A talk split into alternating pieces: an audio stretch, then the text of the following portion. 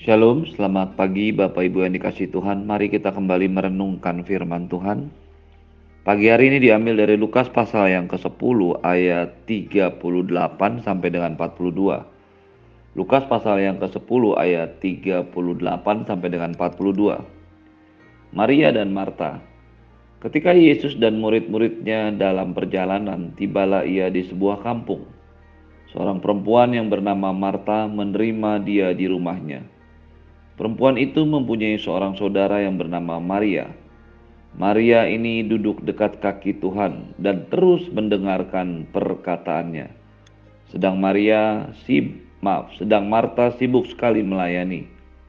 Ia mendekati Yesus dan berkata, "Tuhan, tidaklah engkau peduli bahwa saudaraku membiarkan aku melayani seorang diri. Suruhlah dia membantu aku." Tetapi Tuhan menjawabnya, Marta, Marta, engkau khawatir dan engkau menyusahkan diri dengan banyak perkara. Tetapi hanya satu saja yang perlu. Maria telah memilih bagian yang terbaik yang tidak akan diambil daripadanya. Bapak Ibu yang dikasih Tuhan, kita pasti sudah pernah membaca atau mendengar firman Tuhan ini disampaikan kepada kita. Tetapi pagi hari ini saya ingin mengajak Bapak Ibu membaca dengan lebih teliti, lebih pelan, supaya kita bisa menangkap sesuatu yang berbeda, yang mungkin dari apa yang kita tahu, apa yang pernah kita masukkan dalam memori kita tentang ayat-ayat ini. Ada satu penafsiran yang sering kali kita dengar bahwa Tuhan mencela apa yang dilakukan oleh Marta sebaliknya memuji apa yang dilakukan oleh Maria. Beberapa orang menafsirkan ayat-ayat yang kita baca menjadi sebuah catatan tentang bagaimana jenis pelayanan yang lebih disukai Tuhan dan mana yang pelayanan yang bisa di, tidak dikerjakan karena kita mengerjakan pelayanan yang disukai Tuhan. Tapi sekali lagi mari kita membaca dengan teliti ayat-ayat cerita ini yang dituliskan lebih ringkas oleh Lukas dibandingkan dengan para penulis Alkitab lainnya. Kalau kita lihat di dalam ayat yang ke-38, ketika Yesus dan murid-muridnya dalam perjalanan, tibalah ia di sebuah kampung. Ketika Yesus dan murid-muridnya dalam perjalanan pelayanannya, dan kita tahu persis Yesus berjalan menuju ke Yerusalem setelah banyak menghabiskan waktu pelayanan di daerah tepian Danau Galilea. Dia masuk ke sebuah kota atau kampung yang bernama Betania, tempat di mana Maria, Marta, dan Lazarus tinggal. Kita tidak tahu apakah yang ditulis oleh Lukas adalah peristiwa yang persis sama yang ditulis oleh penulis Alkitab yang lain. Karena Beberapa penulis yang lain mengatakan ada Lazarus, sementara di sini Lazarus sama sekali tidak dituliskan oleh Lukas. Tetapi yang pasti pagi hari ini kita membaca apa yang dituliskan oleh Lukas tentang sebuah perjalanan yang dilakukan oleh Yesus dan murid-muridnya. Dan mereka tiba di sebuah kampung yang bernama Betania. Ada dua hal yang ingin kita sama-sama perhatikan pagi ini. Apa sebenarnya yang dikerjakan oleh Maria dan apa yang sebenarnya yang dikerjakan oleh Marta.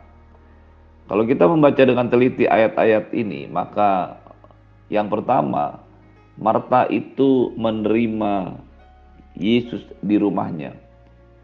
Kata menerima bukan hanya menunjukkan bahwa Yesus mau hadir di situ dan kemudian Marta menerimanya.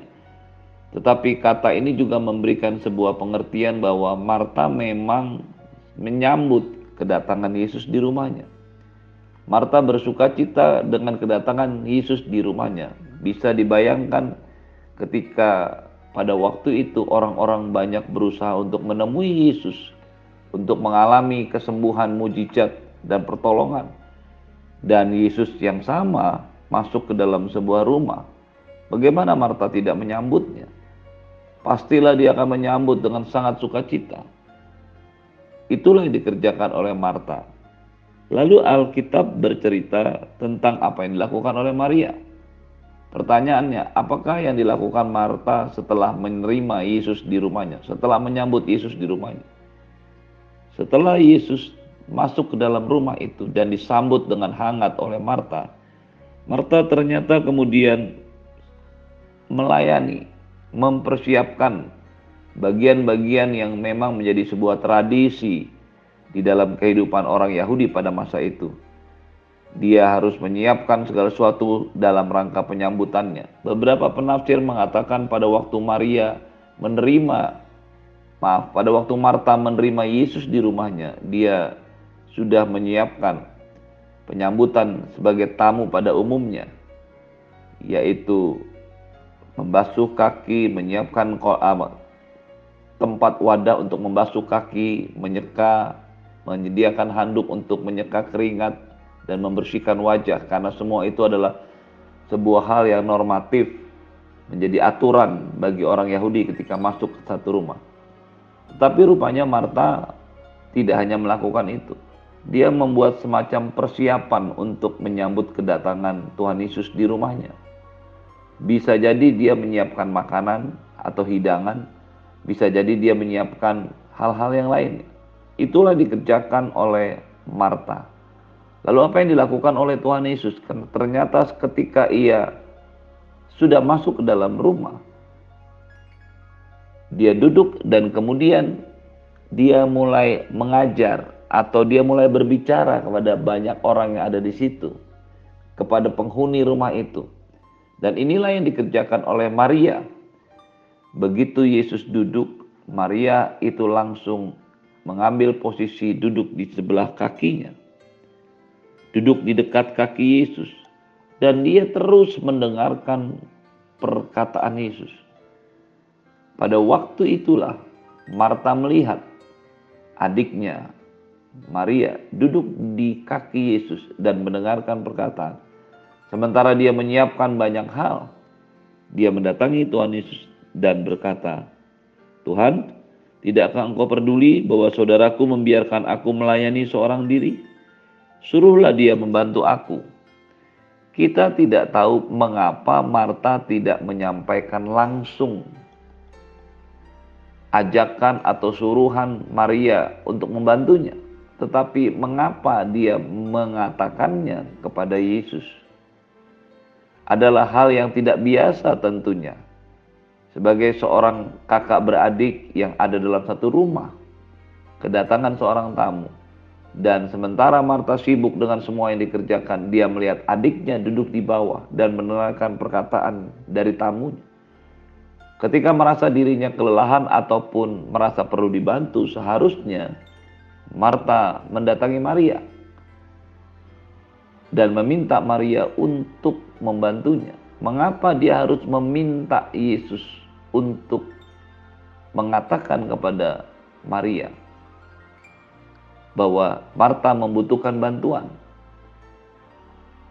Yesus yang adalah Tuhan, walaupun dia ada dalam kondisi sebagai manusia, tentunya adalah Allah yang tahu bukan hanya apa yang Anda dan saya kerjakan, tetapi ada apa yang ada dalam hati kita saat kita melakukan sesuatu termasuk dalam hal melayani. Yesus menjawab Marta. Dia tidak berbicara kepada Maria, karena yang berbicara kepada dia itu adalah Marta. Maria tidak berkata satu apa pun, dia hanya duduk di bawah kakinya, di dekat kakinya dan mendengarkan perkataannya. Marta, Marta, engkau khawatir dan menyusahkan diri dengan banyak perkara. Tapi hanya satu saja yang perlu. Maria telah memilih bagian yang terbaik yang tidak akan diambil kepadanya. Sebuah catatan penting bagi kita untuk kita renungkan. Yang pertama, apakah Tuhan Yesus mencela apa yang dikerjakan oleh Marta? Kalau kita melihat ayat-ayat yang kita baca, tidak ada satu celaan sedikit pun tentang apa yang dikerjakan oleh Marta. Hal ini sekaligus menjadi sebuah bahan renungan yang membantah pemikiran selama ini bahwa sibuk-sibuk mengerjakan sesuatu bagi Tuhan adalah sebuah tindakan yang salah. Tuhan Yesus tidak menegur apa yang dilakukan, apa yang dikerjakan oleh Marta. Apa yang ditegur oleh Tuhan Yesus itu adalah sesuatu yang bukan hanya apa yang dikerjakan oleh Marta, tapi apa yang ada dalam hati Marta pada waktu dia mengerjakan semua itu. Tuhan Yesus tidak berbicara tentang jenis pekerjaan atau pelayanan yang dikerjakan seorang Marta atau Maria tetapi lihatlah apa yang dikatakan oleh Tuhan Yesus. Pagi hari ini saya ingin mengajak Bapak Ibu sekalian berpikir tentang apa yang Anda dan saya kerjakan buat Tuhan. Tetapi lebih penting daripada itu adalah apa yang sebenarnya ada dalam pikiran Tuhan pada saat melihat Anda dan saya mengerjakan sebuah pekerjaan atau pelayanan kepada Tuhan. Yang paling penting bukanlah apa yang Anda dan saya kerjakan, tetapi apa penilaian Tuhan terhadap kita. Hal ini menjadi sesuatu yang menggairahkan saya, sekaligus menegur saya, mengingatkan saya untuk terus berhati-hati dengan semua yang dikerjakan, semua yang saya kerjakan, semua yang kita lakukan. Mengapa? Karena yang paling penting bukanlah apa yang Anda dan saya kerjakan buat Tuhan, tapi apa yang Tuhan lihat apa yang menjadi penilaian Tuhan kepada diri Anda dan saya, kepada diri kita. Hal ini tidak mau memperberat apa yang menjadi seharusnya tanggung jawab kita secara rohani di hadapan Tuhan. Ketika kita mengerjakan banyak pekerjaan, sepertinya seolah-olah buat Tuhan. Ketika kita mengajarkan banyak perkara, sepertinya seolah-olah untuk pelayanan kepada Tuhan Ternyata bukan hanya itu yang Andrus Anda dan saya kerjakan. Saya tidak mengatakan bahwa banyak pelayanan, banyak pekerjaan adalah sesuatu yang salah. Tuhan Yesus tidak menegur Marta karena banyaknya atau jenis pekerjaan yang dilakukannya. Tapi lihatlah, catat penting baik-baik apa yang dikatakan oleh Tuhan Yesus. Yang pertama, tentu saja Yesus melihat apa yang terjadi dengan Marta. Marta sibuk sekali melayani. Beberapa penafsir Alkitab mengatakan sibuk sekali melayani adalah sebuah tindakan bukan hanya menyiapkan hidangan atau segala sesuatu yang dikerjakan untuk Tuhan Yesus. Tetapi ada juga banyak pekerjaan rumah tangga lainnya yang waktu itu juga dikerjakan bersamaan oleh Marta. Marta bukan hanya sibuk menyiapkan hidangan, menyiapkan makanan bagi Tuhan Yesus. Tapi pada saat yang sama dia sibuk sekali melayani sehingga banyak hal yang hari itu, saat itu dikerjakan oleh Marta, bukan hanya berbicara tentang persiapan apa yang diberikan akan diberikan kepada Tuhan, tapi banyak yang dia kerjakan pada waktu itu. Sementara pada saat yang sama, Yesus sudah ada dalam rumahnya. Lihatlah apa yang dilakukan oleh Maria. Begitu dia tahu itu Yesus datang ke rumahnya dan duduk. Dia menempatkan diri. Duduk di kaki Yesus. Mendengarkan perkataannya. Rupanya pada waktu itu Yesus sedang mengatakan sesuatu. Beberapa penafsir Alkitab mengatakan Yesus sedang mengajar. Yesus sedang berbicara kepada mereka seperti yang biasa Yesus lakukan ketika ia datang ke sebuah tempat dia sedang berbicara, dia sedang mengajar dan Maria tahu itu. Sehingga dia duduk diam dan mendengarkan apa yang dikatakan, yang diajarkan oleh Tuhan Yesus. Sementara Marta, dia berada jauh dari Yesus. Itu sebabnya Alkitab berkata dia mendekati Yesus. Kenapa dia mendekati Yesus? Karena posisi dia sangatlah jauh dari Yesus. Dia tidak lagi mendengarkan apa yang Yesus katakan dan ajarkan.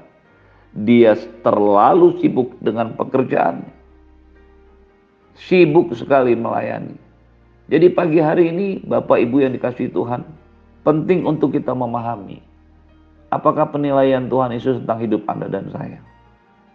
Ternyata Yesus melihat apa yang dikerjakan oleh Maria dan apa yang dikerjakan oleh Marta bukan hanya jenis pekerjaannya, tetapi juga hatinya, pikirannya.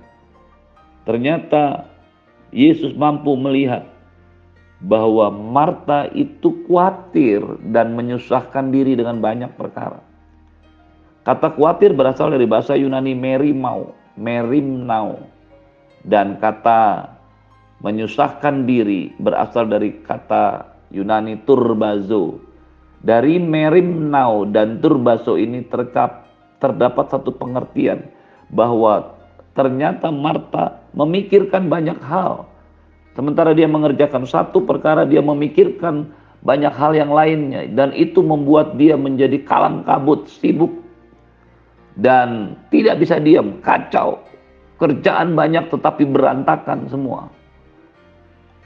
Ini adalah sebuah sikap hati yang tidak mampu dilihat oleh para penulis Alkitab karena yang mampu melihatnya adalah Yesus Tuhan. Pada akhirnya sikap hati kita akan menentukan apakah yang Anda dan saya kerjakan bisa berjalan dengan sempurna, dengan baik. Maria hanya melakukan satu yang perlu. Dia melihat Yesus datang, dia duduk dan mendengarkan perkataannya. Dan itulah bagian yang terbaik. Pastikan Anda dan saya hari ini tahu persis apa yang menjadi terbaik bagi kita. Terus melayani dengan semua jenis pelayanan yang Anda dan saya lakukan. Tapi terus juga menjaga hati kita, menjaga sikap kita. Sehingga Tuhan tetap menjadi yang terutama dalam hidup kita. Dialah prioritas pertama dan yang paling penting dalam hidup kita. Terimalah berkat yang melimpah dari Bapa di surga, cinta kasih dari Tuhan Yesus, penyertaan yang sempurna daripada Roh Kudus atas hidupmu hari ini dan sampai selama-lamanya. Di dalam nama Tuhan Yesus semua yang percaya katakan amin. Shalom, selamat pagi. Tuhan Yesus memberkati. Selamat beraktivitas.